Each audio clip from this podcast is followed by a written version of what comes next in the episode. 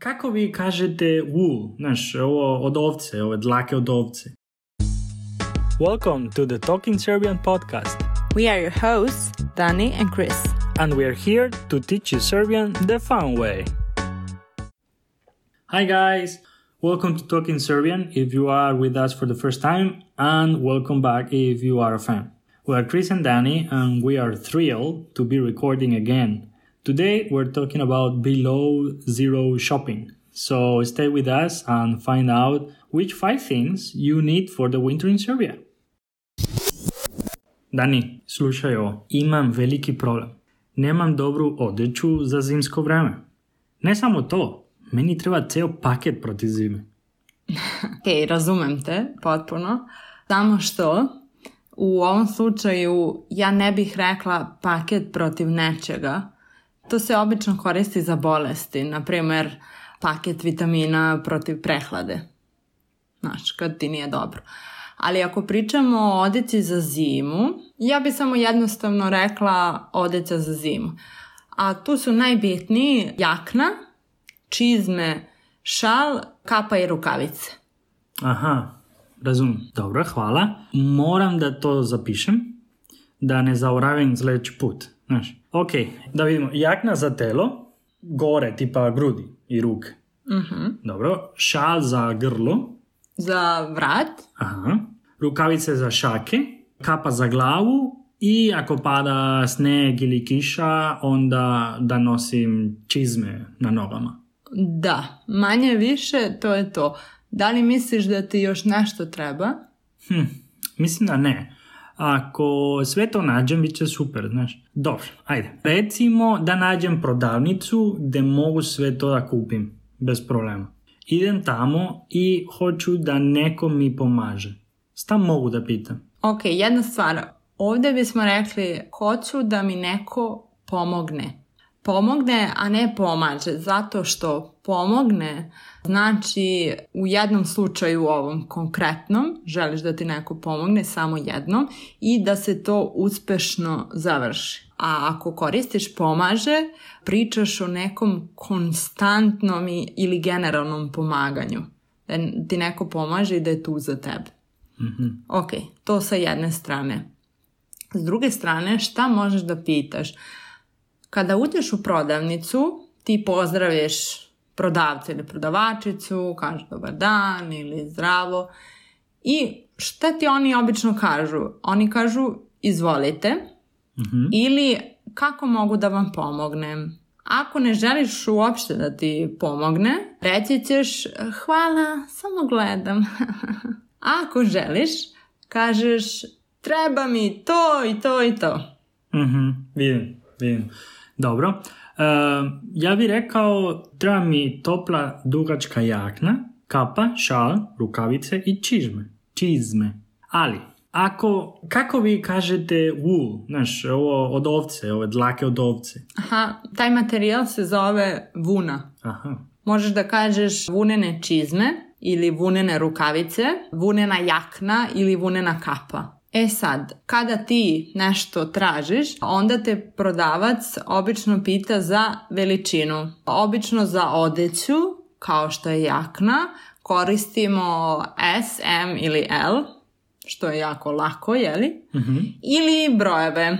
A za obuću, kao što su čizme, koristimo uvek brojeve. To su iste veličine kao i evropske. Kape i rukavice često imaju univerzalnu veličinu, tako da to nije problem. Kako ćeš ti tražiti da probaš nešto?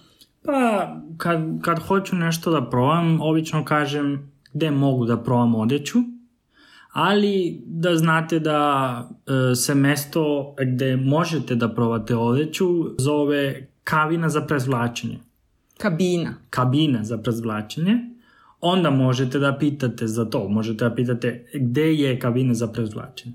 Recimo da sam probao neku košulju koja, koja mi se sviđa, ali mi veličina nije dobra. Kako da pitam da li ima drugu veličinu?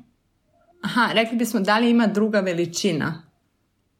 Aha, vidim, ok. Ako hoćeš da kažeš kao ima, there is, there are, onda da li ima druga veličina. Ništa se ne menja. Uglavnom, Ako ti treba veći broj, možeš reći imate li veći broj? Ili uh, imate broj taj i taj, na primer, ako si probao 40 i to ti je malo, možeš da pitaš imate li 42 od ovih pantalona? Ako ti treba manji broj, isto tako. Da li imate broj manje pantalone ili da li imate 38 od ovih pantalona? Mhm. I, I za boju? E, pošto ovde unosiš drugu temu, temu boje, ne bismo rekli i, nego a. A za boju? Za boju možeš da pitaš da li imate ovu kapu u drugim bojama? Ili, na primer, da li imate ovaj šal u crnoj boji? To bi bilo to za danas. Došli smo do kraja našeg razgovora na srpsku. Ako želite da bolje razumete o čemu smo pričali, slušajte dalje naš razgovor na engleskom. Hello guys, we are back in the English part. So here you're gonna learn a lot of stuff that maybe you didn't understand in our Serbian dialogue, or maybe you're gonna confirm what you already knew and heard in our dialogue. So the first thing that's very interesting that Chris used was paket protiv zime. What is, why was that so interesting? Well, that's like a freestyle way of saying things. in this case, I wanted to to specifically say like I need, you know, in this like the clothing to not fight literally but to you know be protected from the from the winter yeah so somehow. literally means like package against or to fight the winter. It's very witty actually. so Chris has those moments where he is not really sure how to say something, but he kind of makes an idea in his head, which maybe the natives wouldn't use it like that, but I definitely understood what he wanted to say. Yeah, uh, definitely. Uh, tip, you know, from from my part would be never never uh, leave something unsaid. Like if, if you really have a, a good idea uh, how to ask or say something, maybe you don't know the proper way of, of saying that in Serbian, but go ahead, you know, lose that barrier. You, you, it's important to communicate what you have in your mind, basically. Yeah, before using your your arms and legs to explain something, maybe you already have some words that can help the other person understand. Just to mention in English, uh, these uh, vocabulary words that we use, let's say, uh, jakna, coat, jacket. Jacket. okay, so jakna is a jacket, čizme, boots, šal, scarf, kapa, uh, forgot. cap, cap, okay. Rukavice, gloves gloves. Also, we made another video, very short video, well, real, which can also help you with these words. So I'm going to leave a link below. Another thing. You mentioned you had to, uh, moram da zapišem. Wow, that is super useful verb to know. It, it means like to, to take a note, like to, to write down, basically, to write down something. Yeah, but to write it down very quickly. So, uh, zapisati. So you need, you can remember this phrase like moram da zapišem or samo da zapišem. Mm. It's very useful when you're talking on the phone and you need to buy yourself some time or actually write something down. Yeah, a very useful verb uh, throughout my lear- Serbian uh, learning process, basically. and living. Okay, so now we are already in a, in a, well, at the store, uh, in a shop and uh, this famous thing izvolite that uh, so many people ask me so many times, like, what does it mean? Well, actually, like, there is no literal translation, but actually what they want to say, can I help you? Or like, what would you like to see, buy, whatever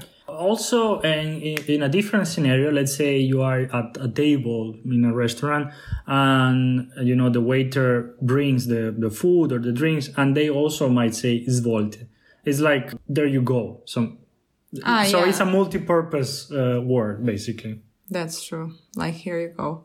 So, but in this case, when you enter a shop or also in a restaurant, when you want to order, a waiter can say izvolite or a shop assistant can say izvolite and it also means uh, kako mogu da vam pomognem, the other expression we mentioned, how can I help? What you can say if you don't want any assistance is uh, hvala, samo gledam. Like, I'm, uh, thank you, I'm taking a look. Yeah, I'm just taking a look, I'm just browsing. Or if you actually need something, you can say treba mi and the thing that you need or things that you need. Next thing, veličina. Size. Size. So veličina, it can refer to odeća, uh, clothes, or obuća, footwear. And well, we usually, as we said, we use SML or numbers and more or less that's it.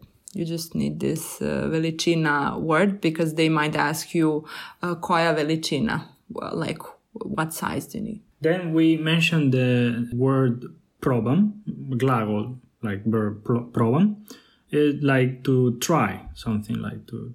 Could could we use test here or? It also means to taste if you're talking about food or, or drinks. But yeah, in this case, can I try something out? And uh, where you go to to try something out is kabina za preslačenje, changing rooms. And we mentioned uh, košulja, which is just a shirt, you know, a piece of vocabulary for you. Yeah, if you want us to expand this clothing vocabulary, you can leave a comment below so we would prepare an episode about it. Regarding the next step, which would be if you decide to buy something, you would then go to the cash register. But since we have already talked about it in the previous episode, Snađi se u supermarketu. We will leave a link below in, in case you haven't listened to the episode or haven't watched it in case of YouTube. And uh, you can check out that part. More or less, that's it.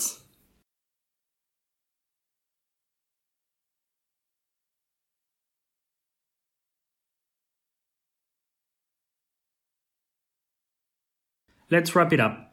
If you find this episode interesting, give us a like.